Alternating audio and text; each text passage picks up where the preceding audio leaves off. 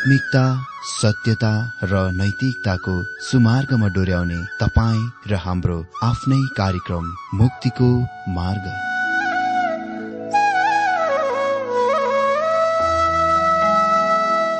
आदरणीय श्रोता यस मुक्तिको मार्ग कार्यक्रममा हार्दिक स्वागत छ। आशा छ यस आत्मिक कार्यक्रमद्वारा जीवनमा आत्मिक आशिष अलौकिक शान्ति र आनन्द प्राप्त गर्नुहुनेछ। र जीवनमा धन्य अनुभव गर्नुहुनेछ।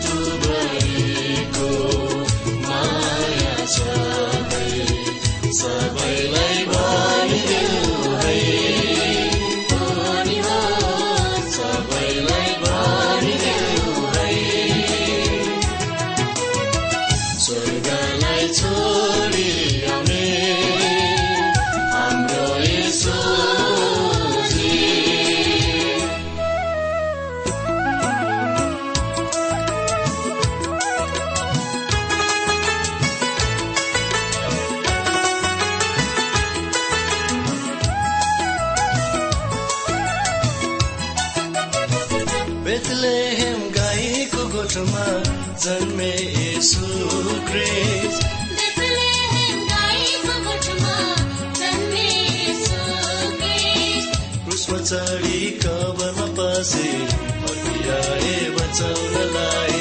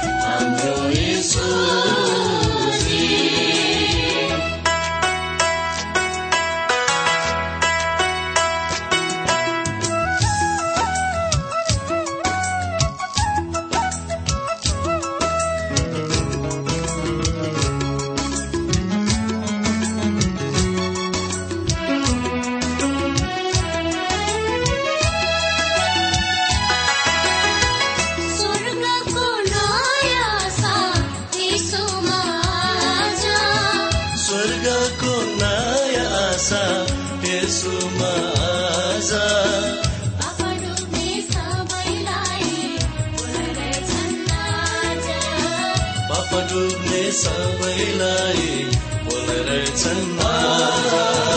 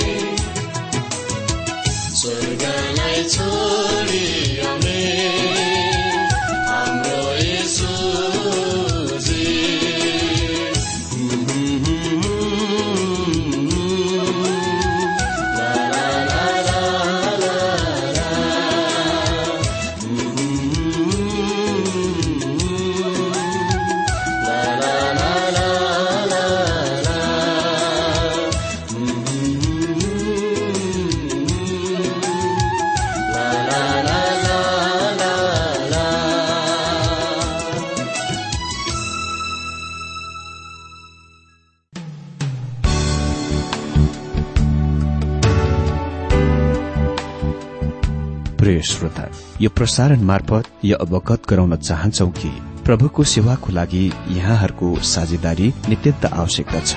यहाँहरूले प्रार्थनाको साथसाथै आर्थिक सहायता गर्न अनुरोध गर्दछौ। तपाईँहरूको सानो भन्दा सानो भेटी किन नहोस्? हामी प्रभुको नाममा स्वीकार गर्नेछौ प्रभुको सेवाको लागि। तपाईँहरूको यो सानो लगानीले कसैको जीवनमा भिन्नता ल्याउँछ अनि प्रभुको महिमा हुन्छ। प्रभु तपाईँहरूलाई महान गरी आशिष दिनुहुनेछ। इच्छुक श्रोताहरूले तपाईँको इच्छा भेटी हाम्रो ठेगानामा पठाउन सक्नुहुन्छ जुन ठेगाना हामी कार्यक्रमको अन्तमा दिनेछौं। प्रिय श्रोता मित्र प्रभु येशु ख्रिष्टको मधुर अनि सामर्थ्य नाममा तपाई सबैलाई मेरो जयमसी अनि हार्दिक स्वागत छ। आजको यो बाइबल अध्ययन कार्यक्रममा म आशा गर्दछु तपाई सबै आनन्द कुशले हुनुहुन्छ र बाइबल अध्ययनको लागि तयारीको साथ आइपुगिसक्नु भएको छ। श्रोता आज हामी पवित्र धर्मशास्त्र बाइबलको क्रमबद्ध र श्रृंखलाबद्ध अध्ययनको क्रममा सर्वप्रथममा हामी यस पुस्तकको रूपरेखा हेर्नेछौ। त्यसपछि हामी बाइबल अध्ययन प्रकाश एक अध्यायबाट आरम्भ गर्न गइरहेका छौं। हामीले यो याद राख्नु पर्दछ कि यो एक अध्यायको मुख्य विषय हो येशु ख्रिष्टको व्यक्ति। श्रोता यो पुस्तकको पहिलो विभाजनमा हामी ख्रिष्टको व्यक्ति देख्छौं। हामी ख्रिष्टलाई उहाँको महिमामा र महान प्रधान पुजारीको कार्यपदमा कार्यभारमा देख्छौ जो आफ्नो मण्डलीको इन्चार्ज वा प्रमुख हुनुहुन्छ। हामी उहाँलाई पूर्ण नियन्त्रणमा देख्छौ। सुसमाचारका पुस्तकमा हामी उहाँलाई नम्र दिन र क्रुसमा मरिरहनु भएको असहायको रूपमा पाउँदछौ। उहाँले आफैलाई पृथ्वीमा आफ्ना शत्रुहरूका अधीनतामा राख्नुभयो। वा प्रकाशको पुस्तकमा जस्तो हुनु हुन्न थियो तर अहिले उहाँ नियन्त्रणमा हुनुहुन्छ। हरेक कुराको आफ्नो कन्ट्रोलमा राख्नु भएको छ उहाँले। उहाँ अझै परमेश्वरको थुमा हुनुहुन्छ तर हामी देख्छौ थुमाको क्रोधले पृथ्वीलाई भयभीत पार्दछ। सम्पूर्ण बाइबलको मुख्य विषय प्रभु येशु ख्रिष्ट हुनुहुन्छ। शास्त्रहरू दुवै ईश्वर केन्द्रित र ख्रिस्ट केन्द्रित छन्।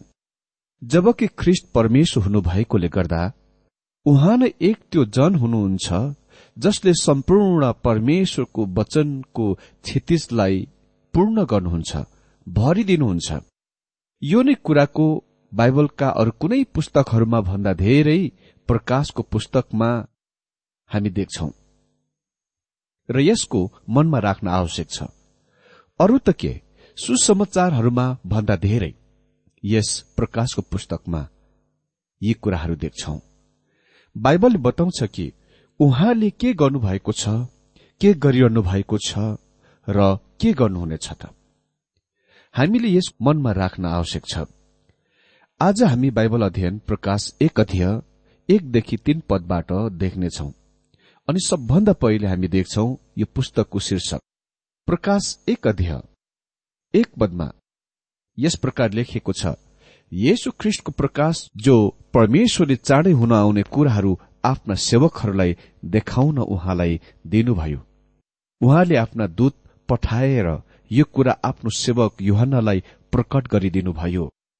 श्रोता सर्वप्रथममा कृपया यो कुराको नोट गर्नुहोस् कि यो पुस्तकको शीर्षकको प्रकाश। एक वचन बहुवचन होइन। एकजना अति नै वृद्ध सेवक एक समय मेरो अफिसमा आउनुभयो र उनी प्रकाशको पुस्तकको मेरो अर्थ खुलाइ वा व्याख्यामाथि आक्रमण गर्न आउनुभयो। तिमी प्रकाशहरूको बारेमा केही पनि जान्दैनौ। उसले बहुवचन प्रकाशहरू शब्द प्रयोग गरे। मैले उसको भाषामा उत्तर दिए। महाशय तपाईँ त्यसमा बिल्कुल एकदमै सही बोलिरहनु भएको छ कि म प्रकाशहरूका पुस्तकको बारेमा केही पनि जान्दिन। उनी आश्चर्यचकित भए र उसको आफ्नै अनभिज्ञताद्वारा अप्ठ्यारोमा असजिलोपनमा परे जब उसले महसुस गरे कि प्रकाशको पुस्तक त प्रकाश हो। यो एपो केलिप्सिस हो जुनको अर्थ हो उदाङ्गो प्रकट वा प्रकाश। अनि यो येसु ख्रिस्टको प्रकट उदाङ्गो वा प्रकाश पार्ने कुरा हो। भनिएको छ परमेश्वरले आफ्ना दासहरूलाई चाँडै हुनुपर्ने कुराहरू देखाउनको निम्ति उहाँलाई यो प्रकाश दिनुभयो। प्रकाशको अन्तिम अध्यायमा युहन्नालाई आज्ञा गरिएको छ प्रकाश बाइस अध्यायको दश पदमा यस पुस्तकका भविष्यवाणीका वचनहरूमा छाप नलगाओ किनकि समय नजिकै छ। यो छाप लगाइएको पुस्तक होइन। यो खुला पुस्तक हो र हाम्रो दिनमा पनि बुझिने पुस्तक हो। यो दानियलको पुस्तकको ठिक विपरीतमा छ जुनको दानियललाई छाप लगाउन भनिएको थियो। हाम्रा प्रभुले रहस्यमय दृष्टान्तहरू दिनुभयो। स्पष्ट गरी कुरा गर्दा आज धेरै अधिकांश मण्डलीहरू अझै रहस्य छन्। तर हाम्रा प्रभुले यसको यसरी राख्नुहुन्छ मर्कुस चार अध्ययको एघार र बाह्र पदमा अनि उहाँले तिनीहरूलाई भन्नुभयो तिमीहरूलाई परमेश्वरको राज्यको रहस्य जान्न दिइएको छ तर बाहिर हुनेहरूका लागि सबै कुरा दृष्टान्तमा गरिन्दछ कि हेर्दा हुँदी तिनीहरूले देखुन् तर थाहा नपाउन्। अनि सुन्दा हुँदी तिनीहरूले सुनुन् तर नबुझुन्। नत्र त कुनै समय तिनीहरू फर्कलान् र तिनीहरूका पाप तिनीहरूलाई क्षमा होलान्।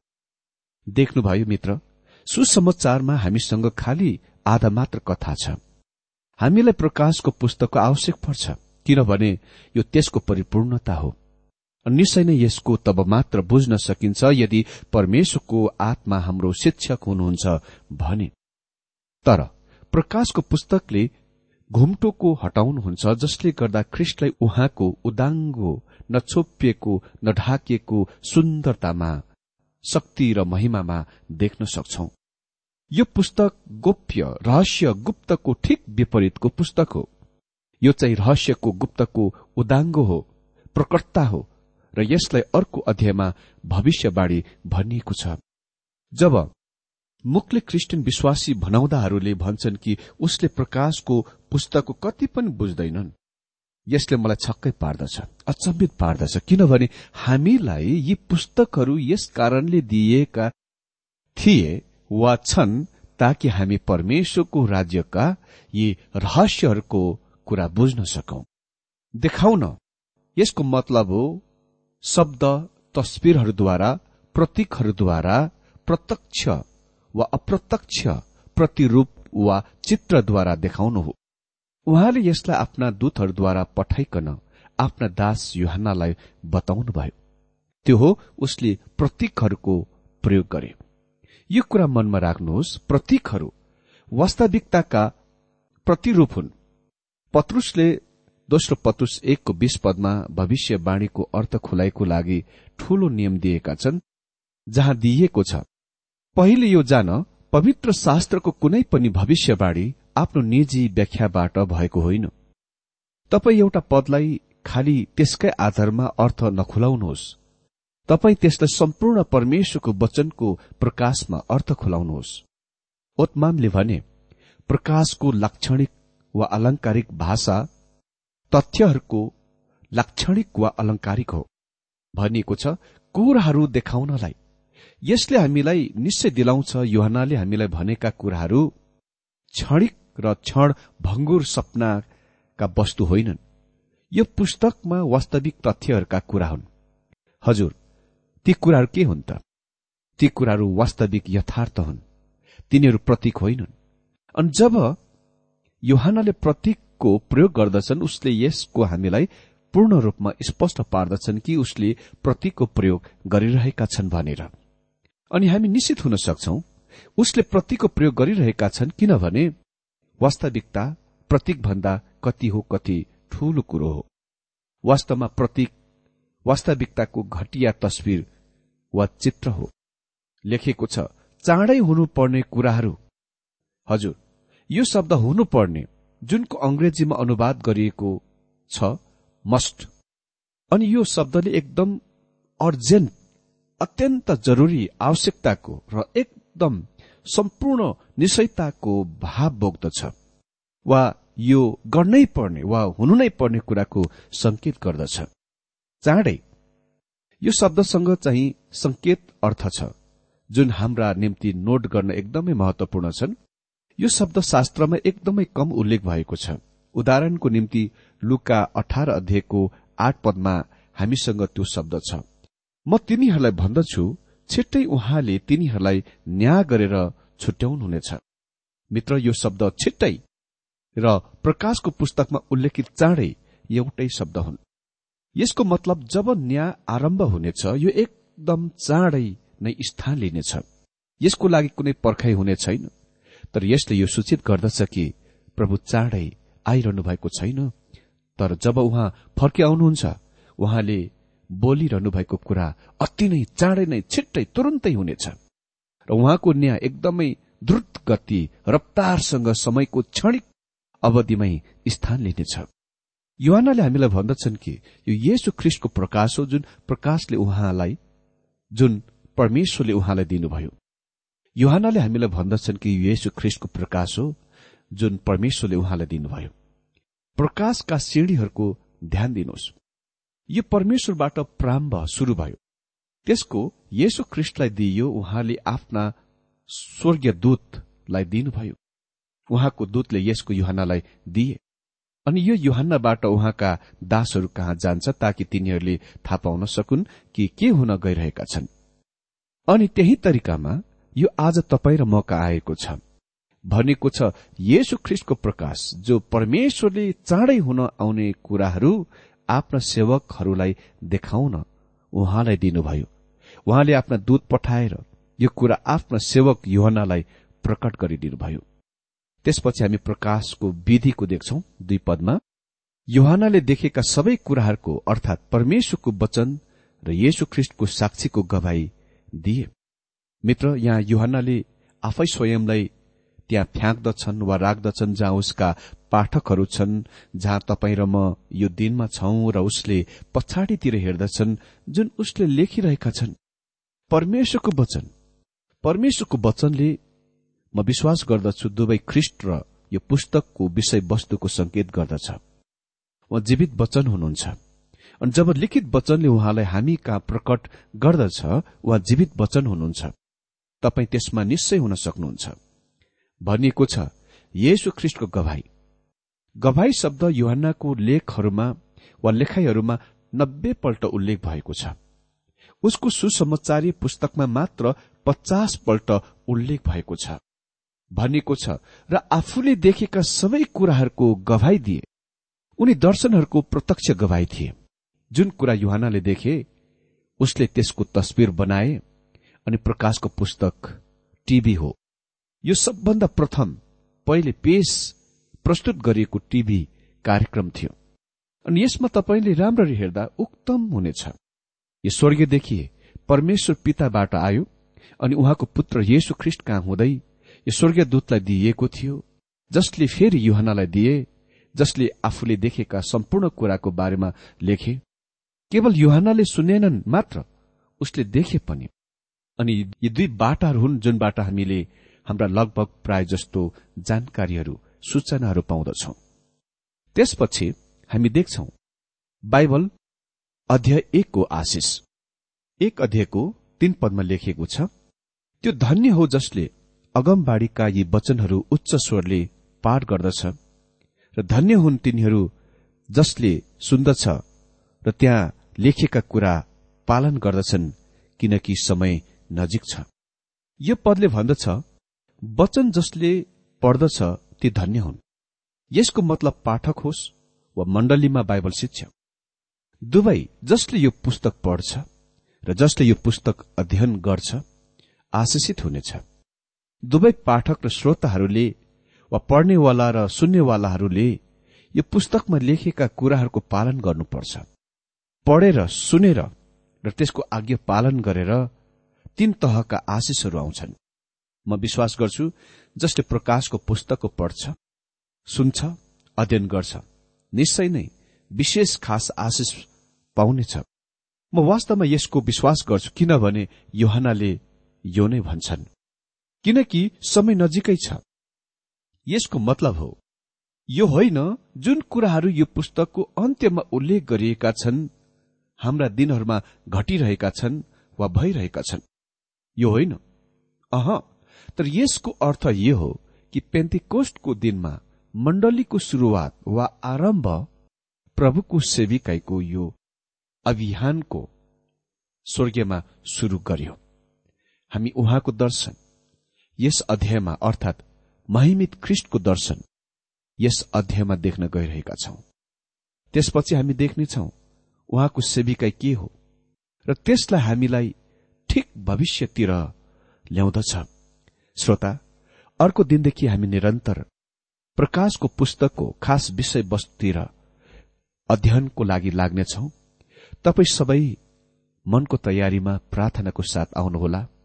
आफ्ना मित्रहरू मण्डलीहरू परिवारहरू साथीभाइहरू सबैलाई यो कार्यक्रममा सरिक हुन उत्साह दिनुहोला ताकि हामी सबै यो प्रकाशको पुस्तकको अध्ययनबाट आत्मिक रूपमा आशिषित हुन सकौं।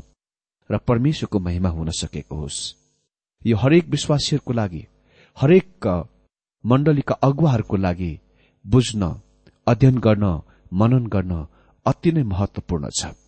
परमेश्वरले तपाईँ सबैलाई धेरै धेरै आशिष दिनुभएको होस्।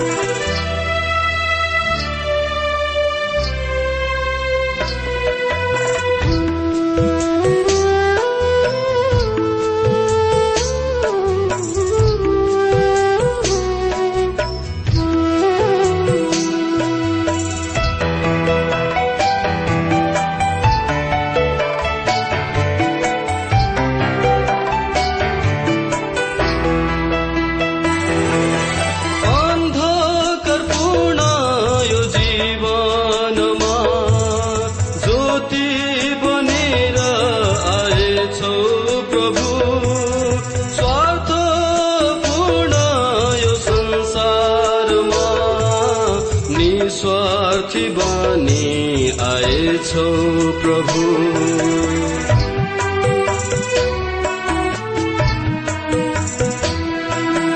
अन्धक पूर्ण यो जीवनमा जो दिवनि आएछ प्रभु स्वार्थ पूर्ण यो संसारमा निस्वार्थी बनि आएछ प्रभु।